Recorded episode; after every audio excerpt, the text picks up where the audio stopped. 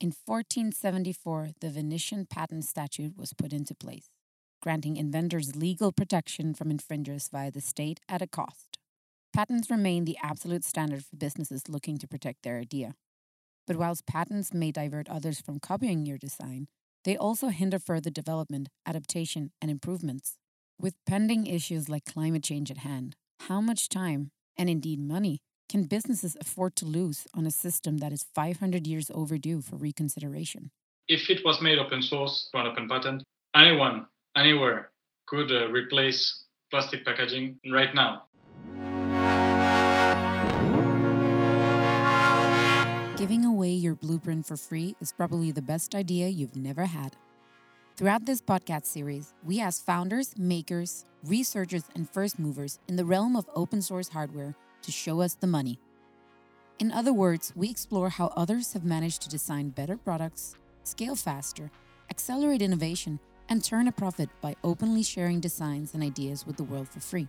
In this episode, we talk with Jaime Arredondo, the founder of the Open Patent, about what can be done to secure revenue for the original creator when the creation is free to copy. This podcast is produced by the Danish Design Center as part of the EU Horizon 2020 project, Open Next. For more info, go to www.opennext.eu.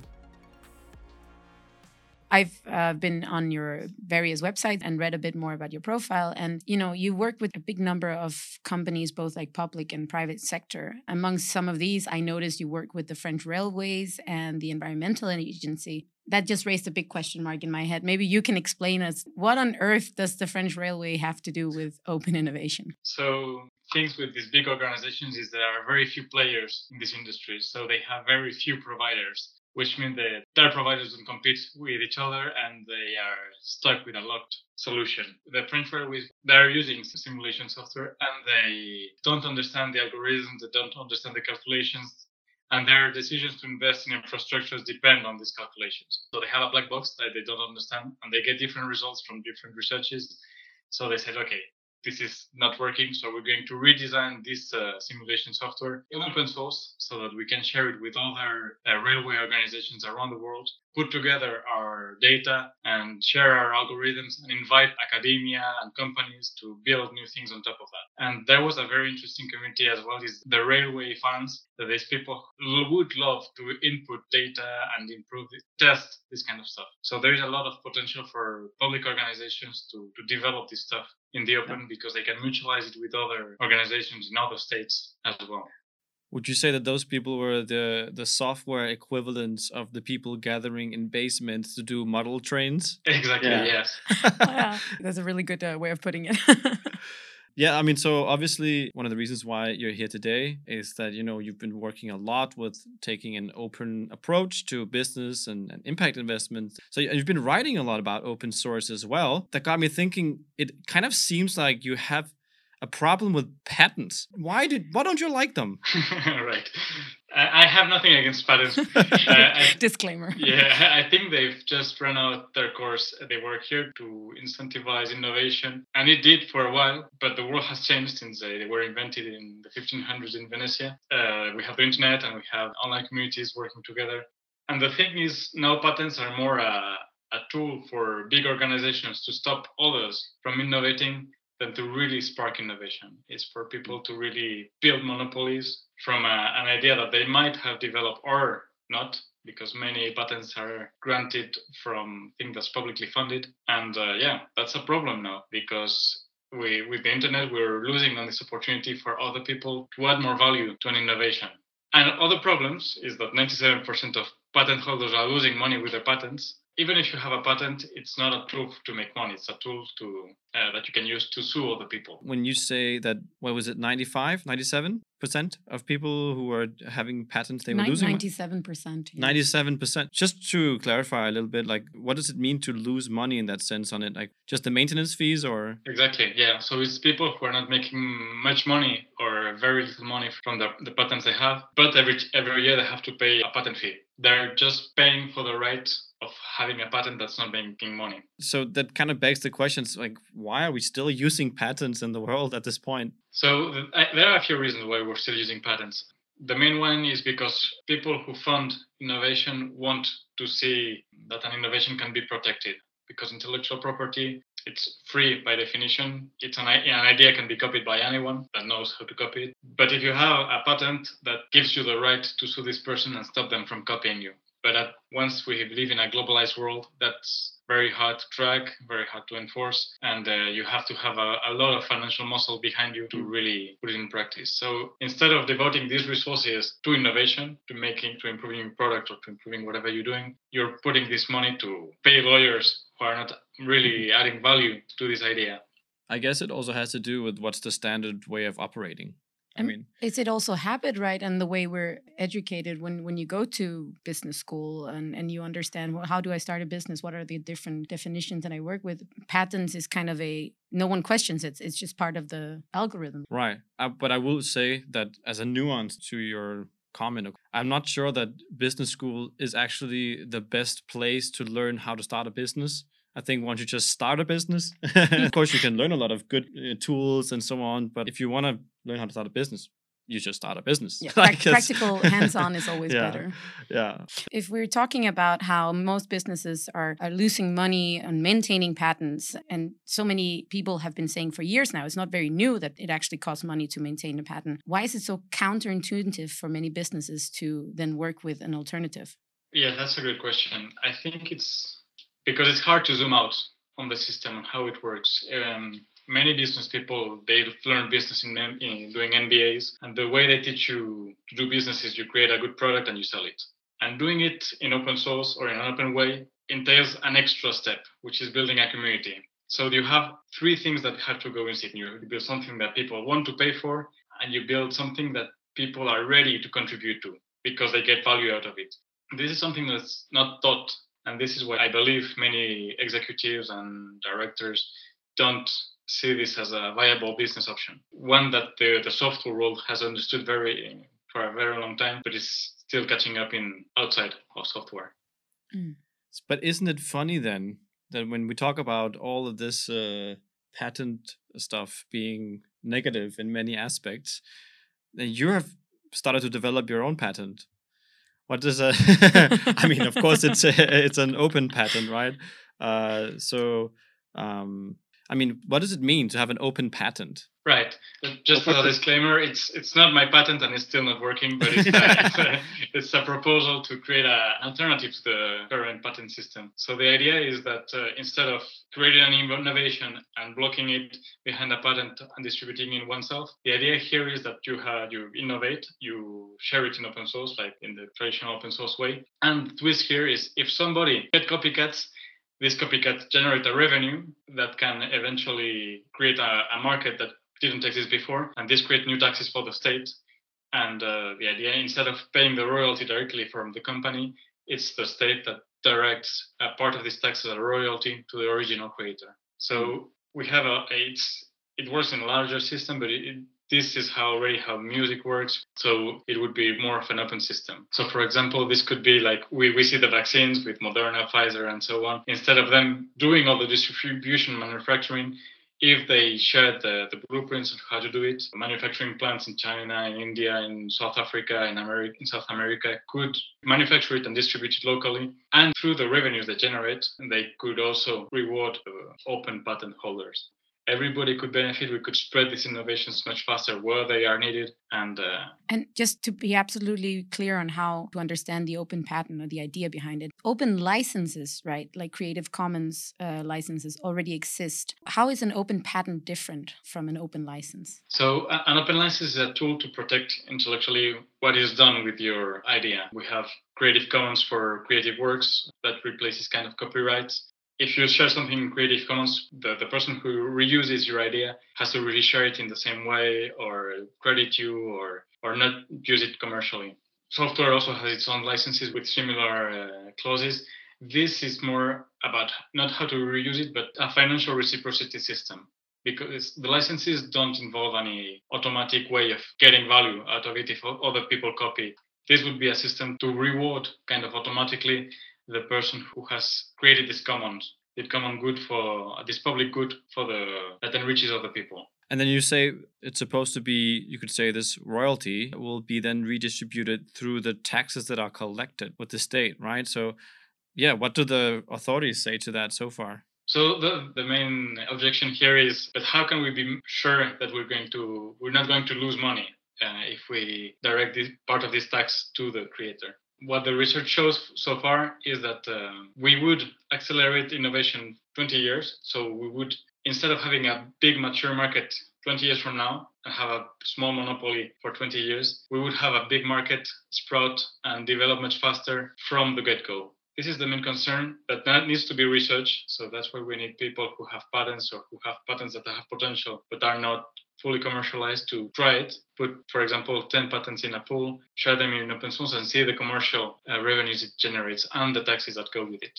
So I guess in a way, what you're saying is also that the argumentation line for these authorities, for the tax authorities, would be hey, uh, how about growing the total size of the cake so you have a much bigger piece, even if you have a lower percentage? Exactly. Right. Yeah. Okay. That makes sense. I'm quite interested in because here in, in the Open Next project, we, we see this. A lot of the companies we work with have addressed this issue of saying once you start working with community and open source, how do you secure a proper kind of payback or reward for the people? What possibilities does the open patent provide? So, so the protection here in open source is always through the community. So if you're not going to share an idea with the community, it's better to patent it and to exploit it yourself. But most people who do research, more research institutes like uh, the Fraunhofer Institute, they don't have the resources to commercialize, to create distribution. More, they, they do partnerships with businesses. This is still capping the, the opportunities they can create. If they open the patents, they could find other people well, other people could find their idea and tweak on it and more unexpected case studies, use cases could be developed on top of that and potentially develop new markets much faster. Who would then be the main benefactors of open patent, right? We talked about, you know, the originator and then potentially the state, right? Both directly and indirectly. What else can we say? Like who benefits from this and how? Well, I, I, can see almost every player benefiting from this. The funders would also benefit because it would uh, lower the risk in their investment. If we have an automatic way of making money out of a research that works, then they are ensured that it will work. And if there is less friction to adopt an innovation, it increases the chances of the innovation being taken by the market. I believe there would be a big incentive for funders to be behind such kinds of patents. Uh, it also lowers the risk for the states when they do very high risk investments uh, in innovation, like DARPA or um, the people mm. developing uh, wind powers and this kind of stuff. This normally is first funded by the states very heavily because it's too risky for businesses to take it on, and then it's taken by the industry. Mm. Then the state loses on the benefits from that because normally they grant the patents to the companies instead of keeping a part of it. So this is a way to creating also a kickback to the state if it creates patents mm. and to let the industry take it on uh, freely instead of trying to broker partners, partnerships and stuff like that and who else? so many well creators that instead of having to develop everything from scratch, they can focus on creating and then they can build the infrastructure for a community to take it on and collaborate with each other. But then they can just let other people manufacture and distribute it. Uh, who else? Other entrepreneurs, the society as a whole would benefit as well because, as I said with the vaccines, whoever needs it would get it instead of being, there being a bottleneck through the patents and uh, the entrepreneurial ecosystem as well. You would get access to ideas immediately to improve your own products instead of waiting 20 years to integrate something into your into your ideas. I mean, how far have you actually come at this point? Like, what's your current stage? Right. For the moment, it's very young. Right now, I'm looking for people to share the first patents. I, am talking with a few national institutes uh, and a few engineering companies. So there is interest, but now it's uh, it's gaining steam. But uh, after uh, after the Christmas holidays, I'm I'm hoping to get a, a, few more people in. When people wake up from their Christmas break. Exactly. yeah. yeah. I mean, it just so happens that, you know, with the Open Next project, we do have 12 demonstrators, 12 demonstrators coming up yeah. here different industries and companies of different sizes and ways of working. Perhaps it could be a, a chance to to see at least how they react to it. I'm, I'm kind of curious to try and maybe imagine a bit if we imagine a, a future where uh, the open patent becomes the majority rather than the, the current system we have now which is also it's kind of freaky to think that we haven't really changed anything in what 500 years right what if we had a um, an open patent majority uh, system. How would that change the economy and, and the market, do you think? Well, I believe it would change it in, in so many ways. Well, my hope would be it would accelerate the pace at which we do this ecological transition and that we can also fend uh, the future epidemics. So, for example, there is a, a lot of innovation in the circular economy, but if it's patented, it's going to wait 20 years to be uh, to be in the market and it will take a lot of time for uh, or it will cost a lot uh, of money for the southern countries for poor countries or developing countries to pay for it because they, they will be the patent monopolies and they will have to pay higher to develop this technology in-house. So for example there is uh, ecovative. It's a brilliant company that's creating uh, an alternative packaging with mushrooms. Instead of you having a plastic packaging they, they have the same packaging through to send package to send your amazon things and stuff and instead of just throwing it in the ocean or polluting, you can take this package and throw it in the garden and it will compost. Ah, it's biodegradable. Exactly. If it was made open source for an open patent, anyone, anywhere could uh, replace plastic packaging right now. We'd need to, to change uh, the manufacturing facilities and stuff, but mm. this could be done much more quickly and we could tackle at least this plastic problem. And I believe there are many solutions like that that we could accelerate and we could transform our infrastructure much faster. Right now, our infrastructure was built on fossil fuels. It took us 200 years to build it. And now we have like 30 years, 28 years to overhaul everything before 2050. Time to get started. Time to get started. But if we have all of these patent bottlenecks, it's going to take a lot longer than if we just release it uh, right now and we align the incentives of everyone to benefit from this change. Yeah. I think it also makes sense in, in terms of we continue to say that we are a global society and, and kind of the world needs to come together, right, to find these solutions. But even to the lowest plan where you're enabling ordinary citizens to be able to adapt solutions. Innovation, ideation doesn't have to stick with the company or within one company. It can easily spread out to everyone. Yeah, I mean, what, what struck me about what you said right now was that I hadn't even thought about the fact that well the fact that the idea that there may be obstructions for lower income countries to adopt new innovations that could be expensive especially initially right i mean in a global connected world where we have planetary problems it's kind of crucial mm. Maybe we should put that on top of the of the argumentation line there. Yeah. There's some emotional value there that people can connect to one of the things that I wanted to ask you about is how can people help you with the open patent right now? So there's a website called uh, openpatent.cc. We're looking for people who have patents uh, and who are intrigued by the idea to reach out to explore the possibilities and see what we can do together. Uh, there is also a forum where we can chat and discuss or give feedback. Yeah, for the moment, this is the best ways to to support the project. Right. Could we? I'll just a little bit intrigued. I assume that there's going to be a need of some kind of tracking system. Any ideas about how that should or could look? Well, one of the main fears around this system is that it's going to, to be very expensive to track. But I think this can be designed, these problems can be designed to be solved. For example, uh, one of the criteria to have an open patent is that somebody else has commercialized it. Once you hmm. can prove that somebody has, else has made revenue out of your idea, then we can start tracking this because we know how it is being produced, how it can be tracked. Regarding the tracking, the problem is already solved by collective management uh, systems in, in music. Uh, these people are already doing it. It's it, this is about accounting. Finally, it's uh, okay. You have this. It's okay, making this much money, and we have X royalty. So there you go then the complexity will be to plugging it in with the tax system. This is what needs to be figured out. Yeah, I guess so. And maybe a few accountants or two. A few, a few accountants or two. Maybe, maybe just one legal person. At least one. just uh, in case. Just in case, you know. Just one, one. just one. Um, but I, I was also just wondering, like, what are the main objections that you're getting? I'm sure that you know when you propose a relatively radical idea like this, people are gonna throw stuff at you. I mean, hopefully not like literally throw stuff at you. I mean, it could be a shoe I, or something. I hope not.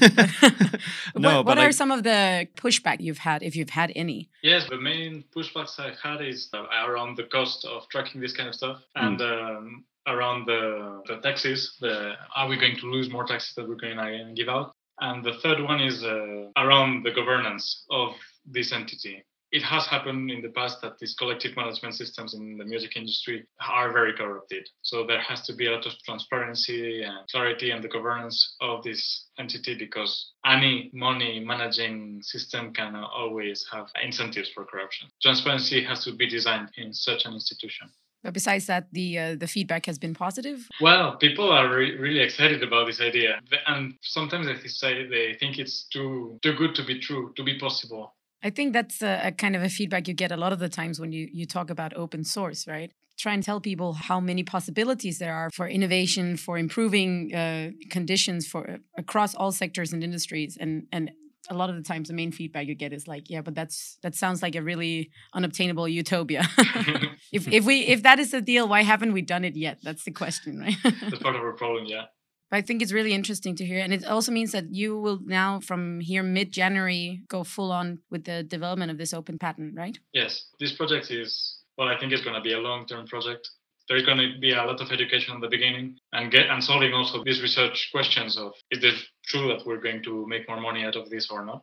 So I, I think it's at least a 10 year project yeah, I would hope we could make it less than 500 Fingers crossed. yeah. Uh, where can people actually follow the project besides the, the website? I know you mentioned that. Is there any other places where people can follow you and the project? So on the website, you can subscribe to the newsletter, and uh, you can also follow me on Twitter, J A I M E Yam Y A N N. But if you want to get in touch on the Open Patent or on Twitter, I am, I am there if you had like one chance to address the companies considering open source options, what would you say to them? I would hope they have, they keep an open mind about it and explore the possibilities of what's possible. Even before saying, okay, we have to commit or anything, just taking two hours one day to do a workshop and think, okay, what do we, what assets do we have in our company that we could open? What potential could it open for the organization? And uh, who would be interested in contributing to that? And I think they would find a lot of things that would be very exciting for them. Hmm.